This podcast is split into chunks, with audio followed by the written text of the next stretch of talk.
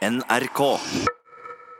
Ja, for det er jo sånn at I går våknet vi opp til nyheten om det største vikingfunnet på 100 år. Arkeologene har avdekket minst åtte gravhauger og fem hus på Gjellestad gård i Halden, og ikke minst et 20 meter langt vikingskip. Men ekspertene er altså ikke helt enige. Bør skipet graves opp raskt, eller skal vi avvente litt? Altså, jeg tenker jo at at her er det veldig lurt å, å, grave ut. Det sier Jan Bill, som er professor i arkeologi ved Kulturhistorisk museum, og den som har ansvaret for vikingsamlingen på Bygdøy i Oslo. Den haugen som en gang har beskyttet uh, det her funnet, den er jo blitt fjernet for lenge siden. Og så har vi et moderne jordbruk uh, på toppen av det i dag. Gjellestadskipet ligger nemlig rett under jordskorpa på et jorde som bonden har lyst til å drenere for vann. Til sammenligning ble de best bevarte skipene, Oseberg, Gokstad og Tunesskipet, funnet i gravhauger. Skipet ligger med andre ord svært utsatt til og bør derfor opp av jorda så snart som mulig, sier den danske Oslo-professoren. Hvis det blir utført en, en, en, drenering av området, øh, så vil jeg egentlig si så skal man grave ut først. fordi det kommer jo til å få øyeblikkelig effekt. Øh, det synker grunnvannsspeilet, og da går det veldig kjapt med nedbrytningen. Hvis man velger å vente med å drenere, så kan man jo ta det litt mer lunt da. Kanskje heller i et, i et fem til ti års perspektiv. Hvis det virkelig er tre bevart og et helt vikingskip, så er det jo veldig spennende.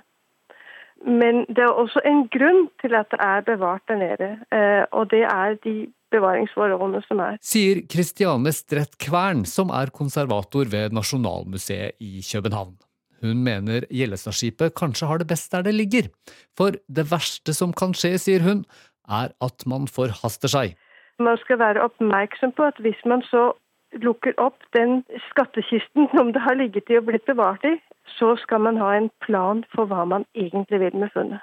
Det vil kreve lang tids avsetning av ressurser og dedikasjon til oppgaven. Fylkeskonservator Morten Hanisch i Østfold fylkeskommune er enig i at man må tenke seg godt om før man begynner å grave, og ikke minst skaffe nok penger.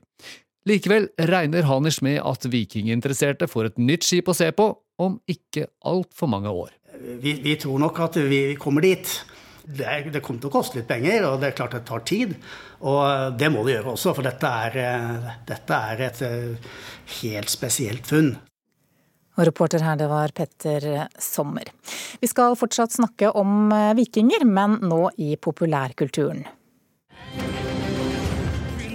så godt å se deg. Bror. Fortell, da. Hvor har dere vært og skjedd, liksom? Ja, du kan være stolt av kona i hvert fall. Hæ? Frøya hun deltok i all plyndring 100 Var med på en god del av voldtektene.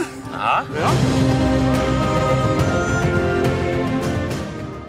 Dette er fra NRK-serien Vikingene, som nå også har fått en egen internasjonal versjon på strømmetjenesten Netflix. Jon Iver Helgaker, du har manus og regi på serien. God morgen. God morgen. Aller først, blir du inspirert når du hører om dette funnet i Halden i går? Er du gæren, det er jo kjempegøy. Der er det jo altså det er så få ting man har funnet, egentlig. Så hver, hvert funn er jo nye overraskelser og nye gøye ting å ta tak i. Og denne serien, eh, 'Vikingene', eller 'Norsemen' som serien heter på engelsk, er altså også spilt inn og publisert på strømmetjenesten Netflix. Den har blitt populær og klatrer stadig på den internasjonale filmdatabasen i MDBs topplister. Denne uken så nådde vikingene, eh, Vikingene en 62.-plass på listen over de mest populære TV-seriene i verden noensinne, og den ligger også på forsiden til Netflix i flere land. Hva er det med vikinger, tror du, som gjør at en serie som dette slår an internasjonalt? Altså Det er jo noe alle vet noe om. da.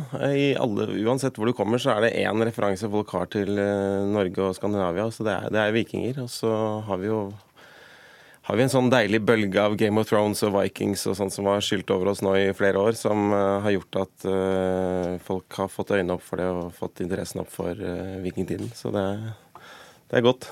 Det er bra for oss. Du må fortelle litt, da, for de som ikke har sett serien. Hva slags serie er dette her? Det er jo en uh, altså episk og dust, det er det vi har uh, liksom som tagline hele veien. Det er en humorserie fra vikingtiden. Hvor vi egentlig ser for oss at, uh, at vikingene var mer som vi er i dag.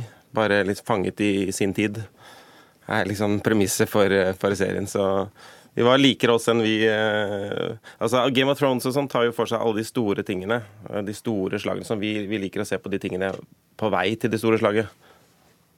Ja, er den autentisk eh, på noen måte? Ja, absolutt. Vi, vi prøver jo å ligge innenfor eh, Vi har jo hatt lange samtaler og snakket med arkeologer og historikere for, å, for å følge så godt det lar seg gjøre i norsk historie. Men eh, selvfølgelig vi tar jo oss noen friheter. Humoren, humoren er viktigst. I hvilke land er det serien er slått an? Kan du si noe om det? Altså På sosiale medier så får vi jo kjemperespons fra hele, hele verden, egentlig. Så det er jo mest i USA og England og, og sånn. Men det, altså, det tikker inn twittermeldinger Twitter-meldinger fra Tyrkia og Japan og hele Europa. Og masse i Bra Brasil er veldig stort om, om dagen. Så Men er det fordi det handler om vikinger, tror du, eller er det fordi dere har laget en god serie? Er åpenbart fordi vi har laget en sinnssykt god serie. Nei, men altså det jeg tror det er eh, det hjelper, altså Inngangen inn i serien er jo selvfølgelig at vikingtiden er populær om dagen. Men at folk blir og, og værende og se hele greia, er jo forhåpentligvis for at det er, er, er gøy. Så er dere altså så vidt i gang nå med en tredje sesong. Eh, Hva kan vi vente oss? Altså, vi kan vente oss eh, Nei, det er hemmeligheter. Det er, vi, vi, eh, vi gjør noen overraskende hopp eh, denne sesongen her, men jeg skal ikke si så mye om det. Men, Du kan fortelle bare til meg. Nei da, vi, vi fortsetter, fortsetter i samme, med samme, mye av samme gjengen, i hvert fall. Som vi har møtt til nå. Men mer enn det jeg ikke, kan jeg ikke røpe. Jon Iver Helgaker, takk for at du kom hit til Nyhetsmorgen.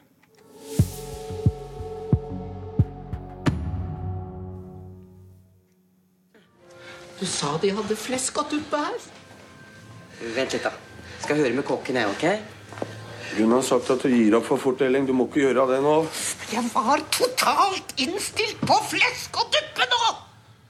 Ja, Det vi hører her, det er lyd fra den norske filmklassikeren Elling. Det er nå 26 år siden vi for første gang ble kjent med romanfiguren Elling i Ingvar Ambjørnsens eh, bøker.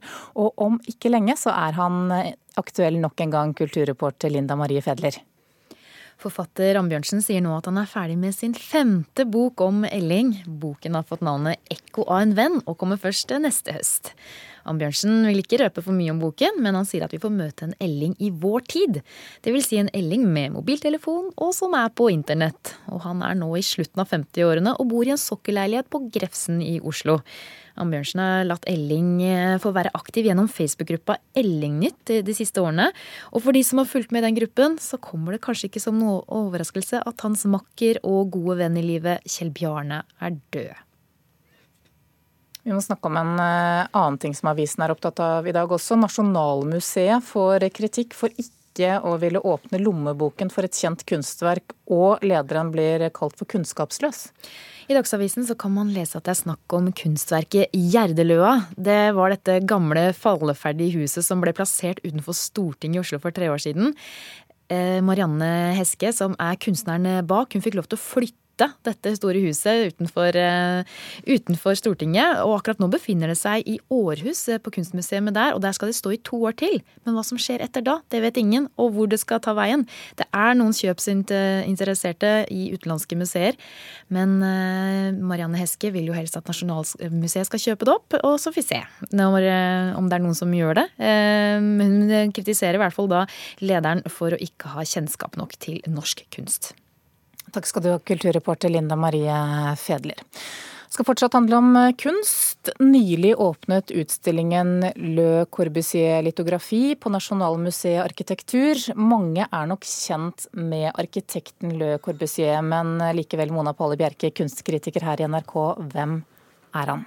Ja, Dette er jo utvilsomt det viktigste navnet i den moderne arkitekturhistorien. Han var jo en radikal arkitektonisk fornyer som forente det greske tempelets gylne proporsjoner med samtidens, datidens dampskip og fabrikkestetikk. Som brutal, ornamentløse fabrikkestetikk. Og skapte da dette flunkende nye funksjonalistiske formspråket, som faktisk i dag, et knapt århundre etter, fremdeles fremstår som friskt og moderne. og som vi ingen har klart å erstatte dette formspråket helt, da. Men som arkitekt så er han jo svært berømt. Eh, som jeg har forstått så er det ikke arkitekturen hans, men billedkunsten hans som vises frem nå. Er dette en ukjent side? Nei, det er på ingen måte en hemmelighet. at Le Corbusier også jobbet uh, som billedkunstner. Blant annet i 2013 så var det en stor utstilling på Moderna museet som nettopp handlet om hans malerier og skulpturer, som vi også anmeldte her i Kulturnytt. Men det har nok vært en litt uh, underkommunisert side. Man er jo mest opptatt av han som arkitekt, uh, og man har jo også ofte fremstilt det nesten som om dette var noe han drev med før arkitekturkarrieren skjøt fart, mens i virkeligheten var, jobbet han med billedkunst gjennom hele livet. Han sier jo selv at han malte hver dag, og at ut av maleriene og disse formene som han kom frem til i maleriet sitt, så skaper han eh, sin arkitektur. Så det er en veldig sterk indre sammenheng mellom hans malerier og hans skulpturer og hans eh, arkitektur. I utstillingen så ser vi ti originale litografier som blir innkjøpt av eh, Kunstindustrimuseet, som i dag er en del av Nasjonalmuseet, da i 66 i forbindelse med en minneutstilling som han da viste rett etter at Le Corbusier var eh, død. Hvordan ser bildene ut? Det er litt vanskelig å beskrive, for liksom, han jobber jo da halvabstrakt, liksom kubistisk eh, inspirert, med klare, sterke farger, og ofte en veldig sånn formsterk og tydelig og rask strek. Eh, men det er jo da bare figurelementer midt i kanskje et, et skinnende rødt rektangel mot et grønt felt, og så plutselig så stiger det frem noe som ser ut som øyne, kanskje noe som ser ut som et linfarget hår, en kvinneskikkelse som nesten går over i nesten et dyrisk vesen, og så har du noen hender så det er på en måte ikke eh, figurative bilder, men det er halvabstrakte komposisjoner med figurelementer. Mm. Går det an å si hva slags bilder han lager, hvordan vi kan plassere ham som billedkunstner? Ja, Han er veldig Picasso-inspirert, og ikke kanskje overraskende sterkt, eh, veldig formsterk. Han er en stor, stor arkitekt og formgiver. Eh, og han jobber ja, da med ofte kurvede former. Veldig tydelig og bevisst forhold eh, til farger. Jobber gjerne med komplementære farger. Eh, de motstående fargene mot eh, hverandre. Og vi ser ofte ganske klar sånn, forbindelse mellom bildene hans, arkitekturen, og så er han veldig opptatt av naturen. Han har jo tatt utgangspunkt i kråkeboller, i skjell, i krabbeskall. F.eks. en av bygningene som står sentralt i utstillingen, er jo Chapelle Ranchat, som ble eh, bygget i 1955, og som var sjokkerende for hele arkitekturmiljøet. fordi det, der brøt Le Corbusier med hele sitt egne rigide funksjonalistiske regelsett, med dette veldig skulpturelle og fortellende bygget, som ligner nettopp på krabbeskall, eller kanskje på stor, en stor skute, og som nettopp har dette fortellende som var helt forbudt innenfor eh, funksjonalismen. Og i utstillingen så er det også en, et lite stykke resepsjonshistorie. Hvordan norske arkitekter oppfattet dette veldig ukonvensjonelle bygget. Hva vil du si, er det blitt en bra utstilling? Dette er en fin liten utstilling, men dette er altså en knøttliten utstilling. Den er i hvelvet i Arkitekturmuseet, som er et bitte bitte lite rom.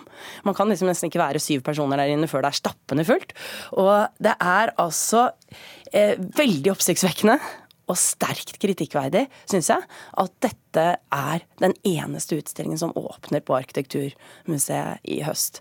For det er faktisk sånn at Arkitekturmuseet er det eneste museet innenfor Nasjonalmuseet som ikke er på flyttefot. Og jeg syns vi burde kunne forvente at her skulle det skje store ting store, store so, storsatsinger, rett og slett. Og at de burde bruke dette museet, der ikke folk er opptatt med å pakke kasser, til faktisk å slå litt på stortromma. Og da syns jeg det er eh, helt på grensen til eh, parodisk at vi får en knøttliten utstilling av verk som allerede befinner seg i museets egen samling. Så selv om dette isolert sett er en utstilling som er vel verdt et besøk, og det er flott å hente frem Le Corbusier som billedkunstner, selv om dette ikke er noen sånn, akkurat noen sånn grensesprengende nyhet, så er det eh, vel, på en måte litt sørgelig at dette er det eneste vi får eh, fra museets eneste avdeling som ikke er på flyttefot. Takk skal du ha, Mona Pale Bjerke.